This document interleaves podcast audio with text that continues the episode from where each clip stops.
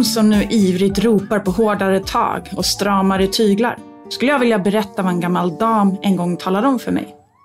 Hon var ung mor på den tiden när man ännu trodde på det där spar på riset, du fördärvar pilten.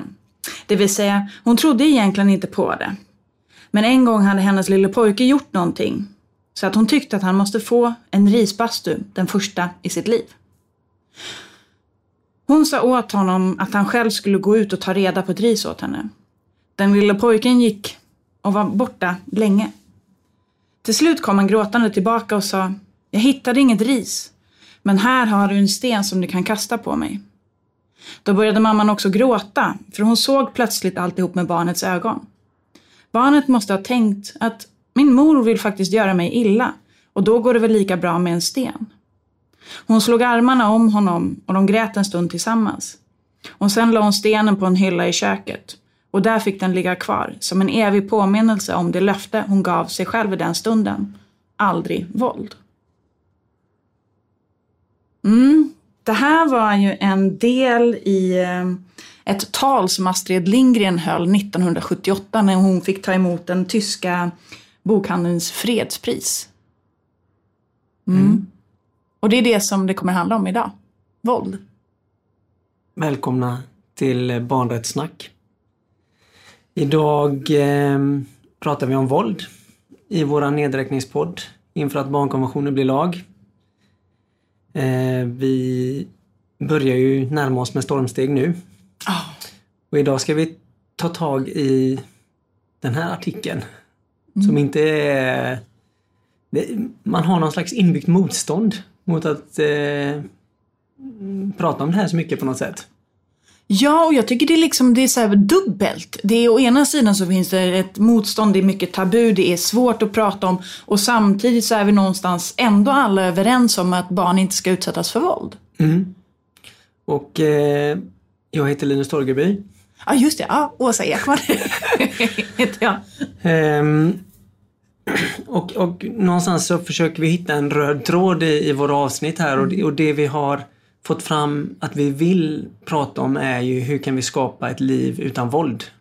Mm. Och misshandel och försummelse. Ja men precis och det är verkligen just det utan, alltså friheten från mm. våld. Precis. Eh, och samtidigt som det ju egentligen står i barnkonventionen ganska mycket det här liksom att skyddas från våld. Mm. Men jag tänker det är liksom lite olika det är olika sätt att se på det även om de hänger ihop. Att å ena sidan att leva i frihet från våld eller skyddas från våld. Mm. Och, och, det är ju det som egentligen liksom FN säger och sådär att vi måste jobba med det på alla tänkbara nivåer. Ja, skydda det enskilda barnet men också skapa möjligheter för barnet att leva i frihet från våld. Så det är liksom ja, på alla nivåer egentligen. Mm. Och, och tyvärr är ju våldet en liksom så fruktansvärt vanlig företeelse i, i samhället på så många olika sätt, på så många mm. olika plan. Så. Mm. Um, jag, vet, jag har en händelse som, som jag tänker på um, och, det, och det tänker jag på ofta eftersom man jobbar på um, Rädda Barnen innan och jag vet att du också haft den här, den här Barnens världskarta som handlar om aga. Oh. Uh, den tänker jag att folk får googla. Ja, precis. Googla ba barnens världskarta. Ja. Mm. Eh, men där är ju England inte med. Ja. Och jag vet att när jag växte upp så, mm, så var en av mina bästa vänner, han var engelsman, eller de, mm. de var en engelsk familj. Och vi, han ehm, visade mig ofta bakom dörren i deras eh, eh, mm, pappas kontor. Mm på en krok där så hängde The Leather Belt. Uh, ja, och den, och den visade han, alltså, han When I've been naughty, mm. this is what I get. Och, och, och, jag hade ju liksom, jag kunde inte riktigt omfatta vad är det det här handlar om. Um, och, och, det här var när vi bodde i Kongo och vi eh, hängde mycket och, och, och, gjorde massa grejer. Och, men det fanns också att vi gjorde en hel del bus och vissa var verkligen inte bra. Och, bus ja, ju... Ja, men bus, hyss. Ja, men sen så då följde jag över i göra saker som bara var elaka och dåliga. Och vid ett tillfälle så hade vi hittat en, en, en tjock skrivbok som en av sjuksköterskeeleverna på det här eh, um, som studerade till sjuksköterska mm. hade skrivit och det fanns ju inte läroböcker eh, där mm. utan alla elever skrev ju allting i sådana här block. Så att de hade ju liksom, typ egna anteckningsblock? Ja, typ. Tecknat upp liksom mm. då hela blodsystemet eller mm. ja, alla, ja, hela mm. sjuksköterskeboken om man nu säger så. Och den hittade vi för att de, de brukar ligga där på området och liksom studera på olika sätt under mm. träd och så, plugga. Vi hittade en sån. Eh, hon var inte där just då. Och vi rev sönder hela den boken. Ehm, och gick hem till honom sen och sen helt plötsligt knackade det på dörren och då kom, var det den här eh, studenten då som kom och visade boken och den var helt sönderriven och någon hade sett att det var vi som gjorde det här. Och då kom hans pappa hem och gav oss stryk med det här alltså bältet. Och det var ju liksom inte ett vanligt bälte utan det var ju så här ett aga, alltså ett agaredskap alltså, eller man säger så. Men jag kommer ihåg, jag eh, jag, min, jag har liksom lite minnesluckor därifrån och jag vet, jag bara gick hem, sa ingenting till mina föräldrar. Så. Um, men, men det var... Och du har inte berättat det för dina föräldrar? Jo, jo, ja, jo. Men, men hur lång tid tog det? Nej, Eller liksom? det, det, tror jag... Eller typ i vuxen ålder? Ja, i vuxen ålder. Ja, så. Ja. Men aga är ju inte med här i det finns ju med men ändå inte med om man säger i den artikeln. Eller hur ska man säga? Ja, men ordet aga finns ju inte med. Nej. Nej. Men då kan vi ju så säga att Sverige var det första landet i världen som, som stiftade liksom lagar där det var så här totalförbud mot aga. Mm. Det gjorde ju Sverige 1979 och var första landet i världen som gjorde det. Mm. Det är på ett sätt en ganska cool grej. Men just ordet finns ju inte med, ja. aga. Nej. Och aga, om vi förklarar det så är det liksom eh, stryk i uppfostrings eller korrigeringssyfte. Alltså på något sätt som en metod. Eller skulle man kunna säga så? Eh, ja, ja men alltså våld. Ja, ja. ja där det är liksom eh, på något sätt som en liksom, legitimerad mm. metod på något sätt. Usch, det låter så helt fruktansvärt ja. när man säger så, legitimerad. Men eh, ja, det är ju så alltså. Ja, olika former av kränkande behandling eh, och våld. Mm. För att rikta barnen åt ett särskilt mm. håll. Mm. Eller bortrikta dem eller ja. ja, styra upp dem helt enkelt på ett fruktansvärt sätt. Mm. Men eh, hur lyder artikeln? Ska vi... Den är ganska lång. Ja, ska vi försöka plocka lite ur den så att folk är med?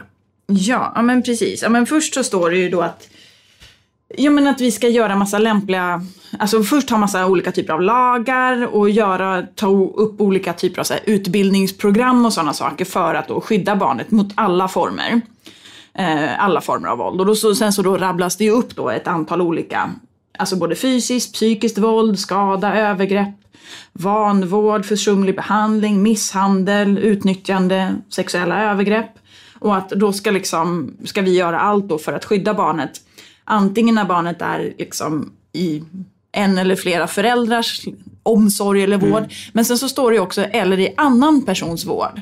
Och den tycker jag är ju superviktig liksom att eh, även om ja, men är barnet i förskolan eller är barnet liksom på eh, skridskoträningen eller liksom, gäller alltså alla. Eller bor i familjehem eller exakt, ja. på institution eller något sånt. Mm. Så att oavsett egentligen så är det alla mm. som ska se till att skydda barnet och göra allting som vi kan i, ja men sagt, både stifta lagar men också utbilda och prata om de här sakerna helt enkelt. Mm. Mm. Så det är det som artikel 19 handlar om. Um, och då är det ju frågan om hur, hur vet vi och vad är våld? Hur, för det är en sak vad jag tänker det här att vad, vad, hur ska man lista ut det här? För att det är ju som vi säger, mm. våld, då, då kan man få en väldigt tydlig bild av att det handlar om att man, man slår någon. Mm. Eh, eh, jag tror att det är det folk tänker på. Men det ja. finns ju flera andra delar av, av detta liksom. Mm. Eh, och, ja, men, och där säger de ju att ja, men, så här, antalet polisanmälningar och liksom anmälningar till socialtjänsten och sånt, det är ju liksom ett sätt att ta reda på mm. och, och, få veta förekomsten av våld. Och samtidigt så vet vi också att det är ju faktiskt inte så att alla barn berättar. Nej. Utan eh, det som eh, en undersökning visar är ju till exempel att det är typ, ja men bara 10% av barnen har berättat för någon form av professionell om det våldet som de har utsatt för. Mm. Och det säger ju en hel del att det bara, om det bara är 10% då måste man ju liksom hitta andra sätt att fråga. Eh, men, sen, men att det är nästan hälften som har berättat för någon. Och då är det ju oftast, ja men lite som du berättar då om kompisen. Det är ofta så barn berättar. De berättar för någon jämnårig kompis eller ett syskon eller någon liksom. Mm. Eh, ja, men, men hur man får veta då. Ja. nej, men, nej, men, för, nej, men jag tänkte också det här med att, mm, apropå den här känslan av skam också Mm. och vad som är normalt. Eh, De två eh, för ett barn som är utsatt för detta eller där det är liksom en vardag att bli liksom krä- kränkt fysiskt eller psykiskt så, så är det också det sker ju inte inför öppen ridå oftast utan det är hemma eller i ja, då enskilt liksom. Och då tänker man att ja men det är så här det ska vara och det finns också någon slags Eh, också då att, att den, den vuxna kanske har sagt bara du har gjort fel, varför har du gjort så här? Alltså då skäms man och då vill man inte heller berätta men det. Så att det finns mekanismer i detta som också liksom föder det tysta, om man säger så. Och det försöker vi undvika genom att göra en nationell enkät bland annat. Precis. Och Sverige är ju faktiskt det är liksom lite unikt på området just att ha kunskaper om barns utsatthet för våld. Utifrån att man har mätt det här i, i liksom på, på, på massa olika sätt. Och um, jag tänkte vi kan ju bara ta några, den här, um, vi kommer prata, när vi pratar om liksom våld och lite så här förekomsten och, och, och lite så här så tittar vi framförallt på det som man brukar säga som nationella undersökningen om våld mot barn. Och det är ju bland annat en eh, ja, han, nu är han ju mer en Rädda Barnare, men Staffan Jansson är ju en sån, eh, vad brukar man säga, typ guru inom det här området. Och en sån så här, fantastisk person som har jobbat med, med det här i så himla många år. Han är bland annat den som då jobbar med det här. Idag finns han vid Karlstad universitet. Eh, vad är han, typ professor i barnmedicin eller något sånt där. Ja, ja. Men det, det är inte Tror jag. precis. Så, eh. Jag kan berätta massa roliga saker, eller inte massa, men eh, Staffan satt ju i Rädda Barnens riksförbunds styrelse eh, under en period och samtidigt med mig. Och, nu blir det en parentes här, men kanske. Ja. Men en rolig det som jag tänker på ofta när jag tänker på Staffan är, som så här, han är ju typ barnläkare och så här. Och jag har ju, jag har alltid trott att jag skelar. Alltså, ja, det är det jag har trott, att jag liksom skelar. Eh, utifrån att ja, jag kan inte Ja, jag skelar, det är det liksom så, som jag har trott. Och sen så var det någon gång på liksom några av de första styrelsemötena så så står vi ute, det är liksom lite fikapaus och sen så, liksom, så säger Staffan någonting och så jag bara, nej men jag, jag skelar ju liksom. Han bara, va? Skelar du? Jag bara, ja men det gör jag ju liksom. Om du ser, jag har gått eh, liksom Ja, men, men vänta lite här nu, så tittar han på mig och så bara, ja men följ mitt finger nu. Så, så, så, ja, nej nej nej, du skelar inte. Du har en eh, muskelförlamning. jag bara, okej. Så, så jag har en muskelförlamning i mitt vänstra öga och nu när jag då har liksom kollat upp alla de här sakerna så, så är det ju det, det jag har. Men jag har det, ja. Så det, det tänker jag på mm, bland annat med Staffan. det blir det här, men, ja. Han är en sån här typ mysmorfar, säger jag. Men, men i alla fall, så han då den här enkätundersökningen då som, som man gör har gjort, den, den som vi pratar om nu, då är det elever i årskurs 9 och 2 på gymnasiet som har svarat på den här. Och det är en nationell undersökning och det är liksom representativt och, och hela den här biten. Och så är det massa olika typer av om frågor. Och då är det ju inte så att de frågar så här, har du blivit utsatt för våld? Nej. Det är inte det de frågar. Utan det är ju allt ifrån, det börjar ju liksom med lite så här bakgrundsinformation, så här, allt ifrån om, om vilka vuxna som en bor med, om, om de här vuxna då har varit eniga om vart den ska bo och sådana saker, vad föräldrarna gör. Eh, om en har fått så här, avstå från fritidsaktiviteter till exempel av att familjen inte har råd. En får också svara på om en har olika typer av så här, sjukdomar, hälsoproblem eller funktionsvariationer. Eh, om det påverkar en. Ja, men du vet, mycket, alltså massa så här bakgrundsinformation och sen så då hur en så här allmänt känner sig, om man har svårt att sova, dålig aptit, så här, yr i huvudet och lite sådana saker. Och de frågar också om man har varit på vårdcentral eller liksom på sjukhus och sånt. Och sen kommer till exempel om man då har varit skadad i en olycka eller om man har varit utsatt för, råkat ut för någon form av förgiftning. Om man har så här medvetet skadat sig själv eller liksom funderat på att skada sig själv. om en har blivit mobbad. Um, och då liksom lite olika exempel då, till exempel utfrusen, någon har pratat illa om en. Och de frågar också om de tycker att det är okej okay, om um, exempelvis um, en vuxen ger någon en örfil eller klappar till på kinden eller örat om en barn gör någonting. Om, om ett barn gör föräldern arg och är det okej okay att liksom slå ett barn som inte lyder. Så de frågar också om barns liksom, synpunkter kring det här. Och sen så kommer då liksom med olika så här, ja men jag får själv välja vad ska jag på mig, vilka kompisar jag ska ha, vad jag ska göra med mina kompisar, vilken utbildning. Och hur väl stämmer då olika påståenden in på uppväxten och så är det som en skala då som en får svara på. Typ att den har fått tillräckligt med mat, har haft smutsiga kläder, föräldrarna har varit påverkade av alkohol eller droger. Um, och att om man har vetat att det finns någon som kan ta hand om en, någon som kunde ta mig till en läkare eller att det fanns någon i familjen som fick mig att känna mig viktig eller att den har känt sig älskad. Vi har tagit hand om varandra, vi har känt närhet. Min familj har varit en källa för styrka och stöd och så vidare. Och jag upplever då om vuxna bryr sig om mig, vill mitt bästa och så vidare. Här kan vi se, det här är ju eh, försummelse. Mm, mm. Till exempel. Det här att inte känna att någon eh, bryr sig om en. Och eh, om vi tittar på frekvensen där är det totalt 6% av barnen i den här undersökningen som svarar att de, har, att de känner igen sig i det här. Mm. Mm.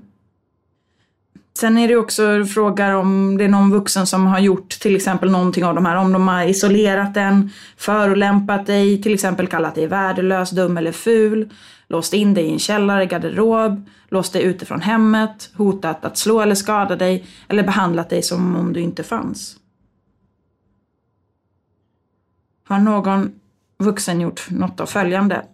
Föst, fös, knuffat eller skakat dig, dragit dig i håret eller örat, klappat till dig med handen, slagit dig kraftigt med hand eller knytnäve, sparkat dig, bränt eller skollat dig med het vätska, klämt dig över strupen eller halsen, slagit dig med käpp, skärplinjal eller någonting annat, hotat dig med kniv eller skjutvapen, skadat dig med kniv eller skjutvapen. Nej men, jag tycker det är jätteviktigt att titta på den här enkäten för att man förstår bredden av artikeln.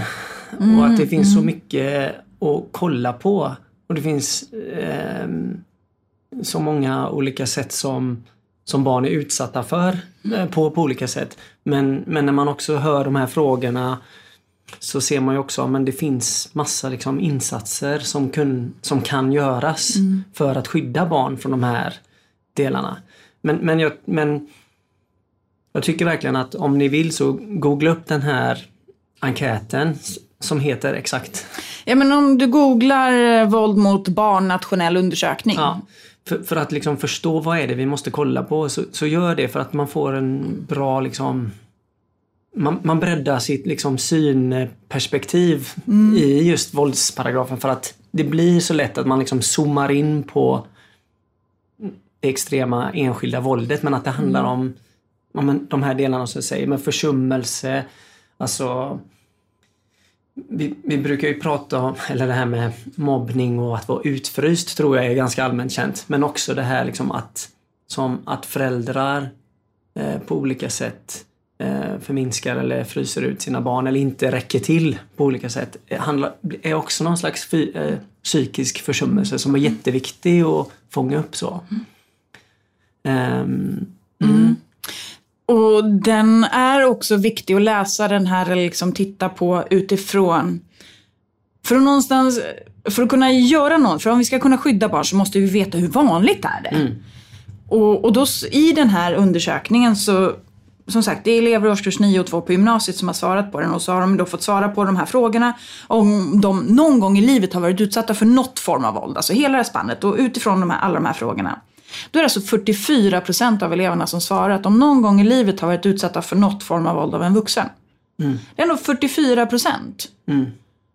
Och 36 procent svarar att det är en vårdnadshavare eller förälder som har utsatt dem för det här våldet. Och i den här undersökningen då sen så listar de liksom eh, de olika, alltså typ ja, men att det är 24 procent som svarar att de har varit utsatta för fysiskt våld. 16 procent som har utsatta för psykiskt våld. Eh, och det är 14 procent som har upplevt våld mellan vuxna i familjen. Alltså att det är en förälder som har utövat våld mot en annan förälder. Och det är 9 procent som har utsatts för sexuella övergrepp. Men totalt alltså 44 procent. Och det tänker jag, det måste vi ju veta för att hur ska vi annars, alltså om vi inte vet att det är så vanligt så blir det ju, är det ju lättare för oss att liksom, ja men lite såhär, åh nej det här finns inte, det finns inte, det finns inte. Mm. För det är ju lite så, vi vuxna gör ju lätt så. Mm. Att det är tabu och det är svåra frågor och det gör att vi kanske inte riktigt vill prata om det. Nej.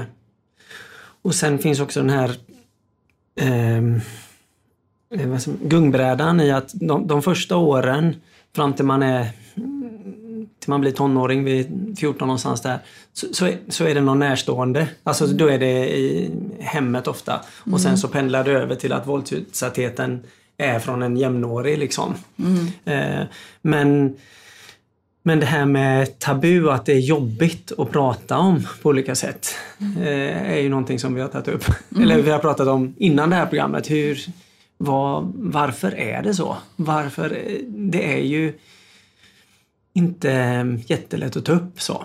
Nej. Jag vet inte. Nej. Eller det finns, jag tänker så här, det finns ju massa olika ja, svar på det ja. tror jag. Och där har vi varit och kollat och det som, som jag har klurat på är ju det här med vuxenallianser. Alltså att vuxna mm. allierar sig på något konstigt sätt mot varandra, äh, med varandra. Mm. Inte kanske mot barnet men man, från barnet. Mm. Och att om man är en vuxen person i eh, någon slags yrkesroll som möter en förälder med barn så, så hamnar man i en ibland märklig allians med den här andra vuxne där man vill liksom skydda hela situationen mm. eller sig själv eller den andra vuxne på barnets bekostnad. Så. Ja men lite så att det, vi kanske lättare, alltså det är lätt att se det att för alla vuxna som jobbar liksom i verksamheter direkt med barn har ju en anmälningsskyldighet. Alltså mm. vi ska anmäla när vi är oroliga, alltså anmäla till socialtjänsten när vi är oroliga för ett barn. Eh, vi behöver inte veta att någonting har hänt utan den här magkänslan att det känns som att den är orolig. Och där tänker jag att det är så lätt att tro, alltså att gå in i det att jag anmäler en vuxen. Mm. Men det är inte det du gör, utan du anmäler ju en oro för ett barn. Och det är väl det som kanske blir att ju mer vi fokuserar på de vuxnas agerande så blir det ju också att vi tappar bort barnet i det här. Mm, mm. Och det är väl det som, som hela liksom konventionen handlar om och som liksom artikel 19 är att det är ju fokus på barnet. Mm. Det är barnet som är utsatt, det är barnet som vi behöver liksom göra massa olika saker med för att det ska bli bra. Till exempel ge stöd till vuxna. Mm. Eh. Och där kan man ju se att det finns ju en struktur i Sverige där barn och, och vårdnadshavare eh, möter massa yrkeskategorier under barnets uppväxt. Alltså jag tänker redan på eh, BB så träffar man en barnmorska och läkare mm. och alltså, flera personer där som, som, som möter eh, föräldrarna på olika sätt. Eh, och, och, och, sen så följer man, efter, följer man med i BVC-kontroller och man kan vara med i olika föräldragrupper och det ena med det andra och sen kommer det förskola, skola, eh, idrottsrörelsen, mm. fritidsaktiviteter, massa olika saker där, där jag tänker att vi behöver bli modiga liksom. Mm. Eh, vi, vi måste vara modiga, vi måste våga och orka ställa de här raka frågorna. Mm. Mm. Ja, och fortsätta fråga. Mm. Alltså, ja. för, för, jag tänker någonstans, för det är så lätt att eh, Alltså jag tänker det är, det är så himla viktigt att vi berättar för barnen vilka rättigheter de har för att de också ska kunna berätta när någonting inte liksom funkar eller när mm. exempelvis utsattheten för våld. Men vi får ju inte tro heller, alltså, vi kan ju inte lägga ansvaret på barnet, att det är barnet som måste berätta Nej. och söka hjälp utifrån sin situation. Utan mm. någonstans är det vi vuxna som måste ta mm. det ansvaret. Och jag tänker att det här är egentligen ingen motsättning, att, men å ena sidan vi måste berätta för barnen om sina rättigheter, eh, rätten till sin kropp och så vidare. Men det är ju samtidigt vi vuxna som måste fråga. Och vi måste fortsätta fråga hela mm. tiden. Liksom. Mm. Och, och berätta det för barnet också att jag ser på dig eller jag ser inte på men hur mår du liksom? Mm. Och, och, berätta också att jag kommer fortsätta fråga dig hur du mår för att jag bryr mig om dig. Mm. Och jag tänker lite den här enkäten eh, kommer ju till eh, barn som går i nian och tvåan så de är ju 15 och 17 ungefär någonstans, mm. någonstans där. Eh, 14, 15, 17, 16. Men hur men där har vi alla barn som är mycket yngre än dem. Eh, så där tänker jag eh, på hälsokontroller på skolan. Mm. Mm. Alltså hur, och igen där då den här ojämlikheten som finns i landet kring liksom tillgång till kurator, skolsköterska, eh, de här som kanske har de känselspröten, eller som hinner ha de mm. känselspröten uppe mer än kanske vad en lärare som har ansvar för 25 elever mm. mm. hinner ha. Liksom. Eh, alltså möjligheten att berätta eller att ja. någon vuxen frågar sig också väldigt olika ut i landet. Det oh, vet ja. vi. Och jag tänker det är någonting som det har visat sig också är ju när olika organisationer är ute och pratar med barn och berättar om vilka rättigheter de har. Till exempel BRIS. Mm. När BRIS är ute och berättar eh, för barnen då liksom vilka rättigheter de har och vad vuxna får göra och inte göra. Så ser ju de också att när de har varit på en stans, någonstans så ser de ju också att samtalen sen ökar till deras liksom, telefon. Mm. Och de ser ju också, alltså, så när barn får möjligheten att veta om vilka rättigheter de har så um, ja men då, då ökar samtalen. Då försöker ju barn berätta också mm. på lite olika sätt. Mm. Men då gäller det att det finns vuxna som tar om handen. Mm. Och det har ju också visat sig så här att barnen, det är inte så att barn sådär helt plötsligt bara hej jag har varit med om det här. Utan barnen testar ju lite. Mm. Och beroende då på hur vi liksom agerar eller liksom reagerar på det mm. så kan vi liksom göra det lättare eller svårare för ett barn att berätta. Mm. Eh, barn berättar ju kanske, börjar ju med att berätta typ ja, men någon liten, typ den mildaste grejen som mm. de har varit utsatta för. Och om då en vuxen liksom får panik. Ja, ja. vifta bort det. Exakt, det är klart som fasen att det barnet inte berättar någonting mer sen. Nej.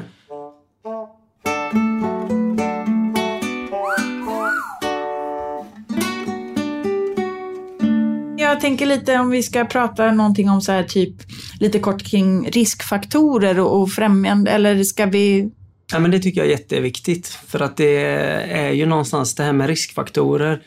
Det kan ju vara, kännas jobbigt för att man kan känna att ja, men då kan man bli dömd i förväg eller sådär. Mm. Men vi måste ändå se det för vad det är att med vissa faktorer så ökar också sannolikheten eller risken för mm. att det också finns fysiskt och psykiskt våld.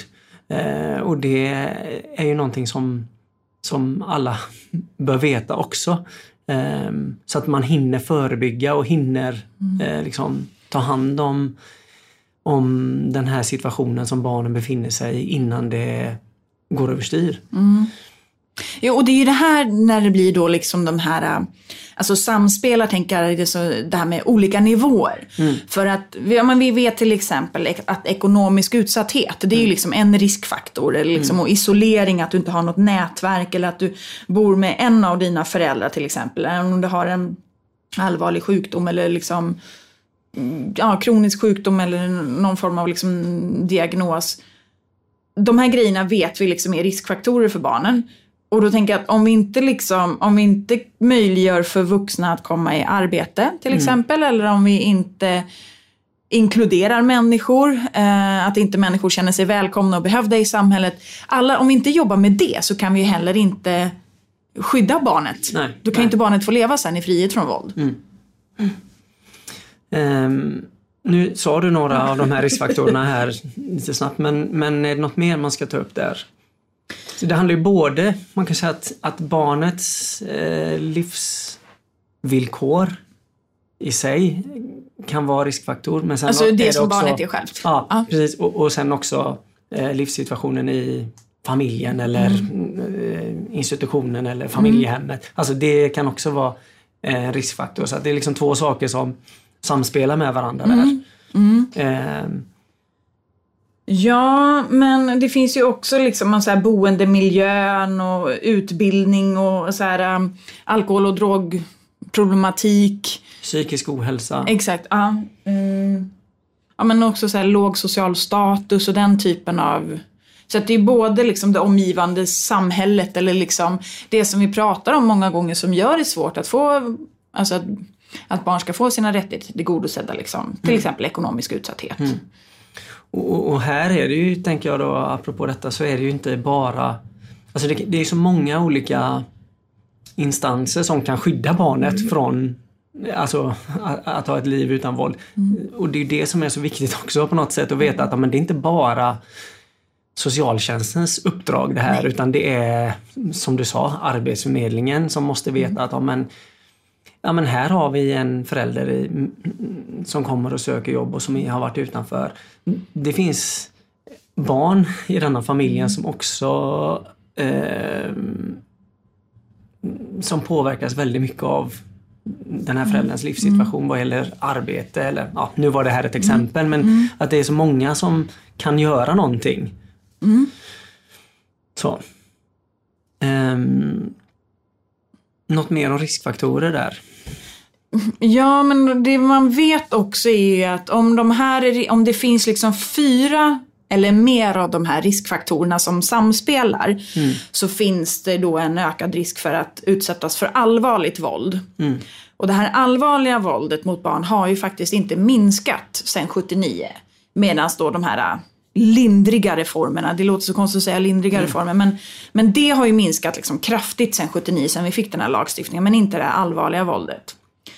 Så, och därför är det ju också viktigt för oss att veta om de olika riskfaktorerna. Och samtidigt så är det också viktigt att veta att det finns ju skyddsfaktorer med. Ja. Där till exempel en trygg anknytning eller att det finns viktiga vuxna runt omkring barnet mm. kan ju liksom vara det som gör att barnet inte utsätts för mm. våld.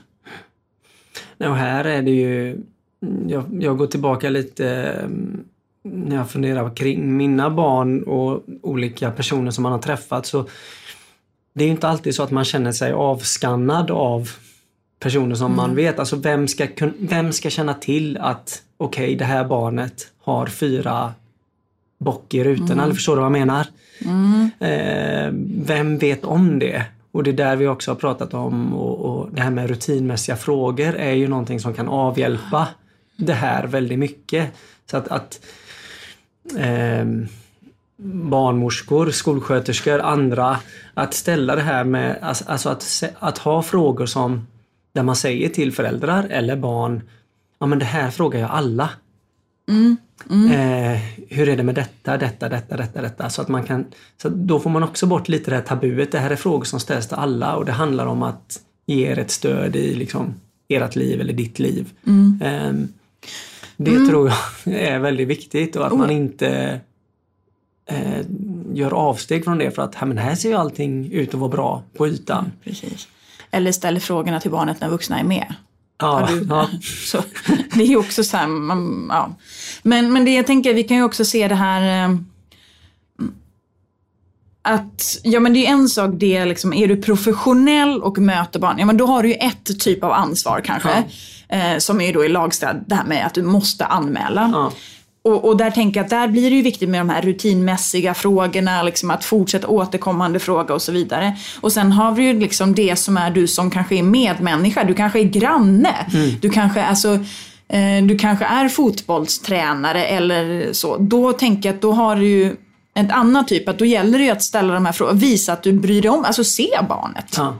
Så att jag tänker lite beroende på vart en befinner sig så ja. har en olika ansvar i det eller snarare olika ingångar. Mm. Mm. Ja, och att fråga är ju också att bry sig. Alltså man behöver ju inte, precis som den här enkäten, eh, fråga massa olika frågor så behöver ju inte du om man nu säger, ta den här då, grannrollen eller tränarrollen eller mm. vad det nu är. Man behöver inte fråga blir du, blir du slagen utan Nej. man kan ju fråga andra saker. Hur mår du? Hur har du ja. det? Mm. Och också lägga märke till frågor, alltså saker som oj, nu har du du kunde inte åka med på träningslägret. Mm. Här behöver du hjälp. Vi har ju någonting alltså, eller ha, behöver du dina fotbollsskor? Har ni råd eller? Eh, ja men så. Mm. Mm, om vi skulle summera det här nu då? Nej men vi måste prata. vi kan inte summera riktigt där. Nej men det här för att det står också med fysisk, eller psykisk misshandel. Mm. Eh, och försummelse och, och, där pratar barnrättskommittén som är mm. de som liksom uttolkar barnkonventionen och ger eh, allmänna råd och ger kritik till länder. Ja, precis. Ja. De, mm. de definierar ju lite det här med eh, psykisk misshandel också. Och mm. de grejerna tänker jag också är bra att ta upp så att man får liksom en känsla. Ja, du, du, har rabblat upp lite där i enkäten. Men, men där pratar de om det här med liksom eh, syndabockbeteende, att man, att man liksom lägger massa skam och skuld på barnen. Hot. Eh, alltså att skrämma, eh, förlöjliga, förminska, förödmjuka. Mm. Alltså ett sånt beteende gentemot barn är också väldigt mm. skadligt. Mm. Eh, mm. Alltså igen där att vi sådana saker är ju så oerhört skadliga för barn. Jag tänker att vi, vi, vi landar så himla lätt i det fysiska våldet men det psykiska våldet, det vet man ju själv. Saker som folk har sagt till en sitter kanske mycket djupare ja. än eh, det här läderbältet som mm. han, pappan slog mig med. Men, mm. men, när folk har sagt saker till en, det, kan man ju, det sitter ju värre liksom. Mm. Um, ja men det är då de brukar jag tänker i skolorna um, har man ju sett många gånger när de försöker förklara det här till exempel med mobbning, att det, just det här med ord, hur det kan sätta sig. Så finns det de som då till exempel så, ja men att man tar fram en sedel, alltså, eller ett papper liksom, ja, ett, mm. ja, ett A4-papper eller en, liksom en pengasedel. Och så liksom får, får den gå runt och alla får liksom skrynkla ihop den och liksom hålla på sådär. Mm. Eh, och liksom ja, hoppa på den, kanske stampa och, och liksom, ja, men, skrynkla. Och sen vecklar ut och säger att ja men det är fortfarande ett papper men det är ju, har ju blivit de här såren eller de här mm, ären, ja. det kommer ju inte försvinna. Mm. När vi nu sen, så att hur vi än gör så sitter det här kvar. Mm.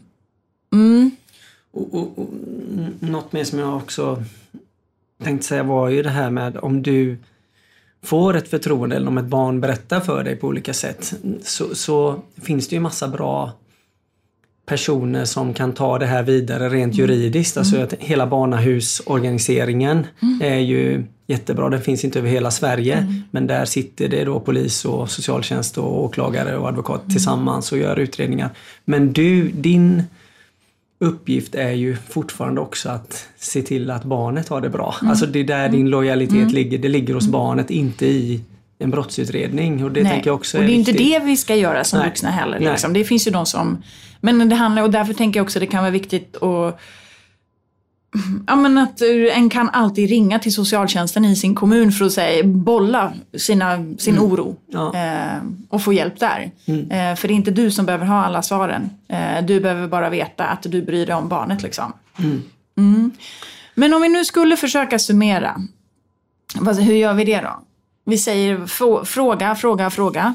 Ja. Eh, jobba upp rutiner. Mm. Jag hade en kollega vars dotter spelar handboll och hon råkade ut för skador.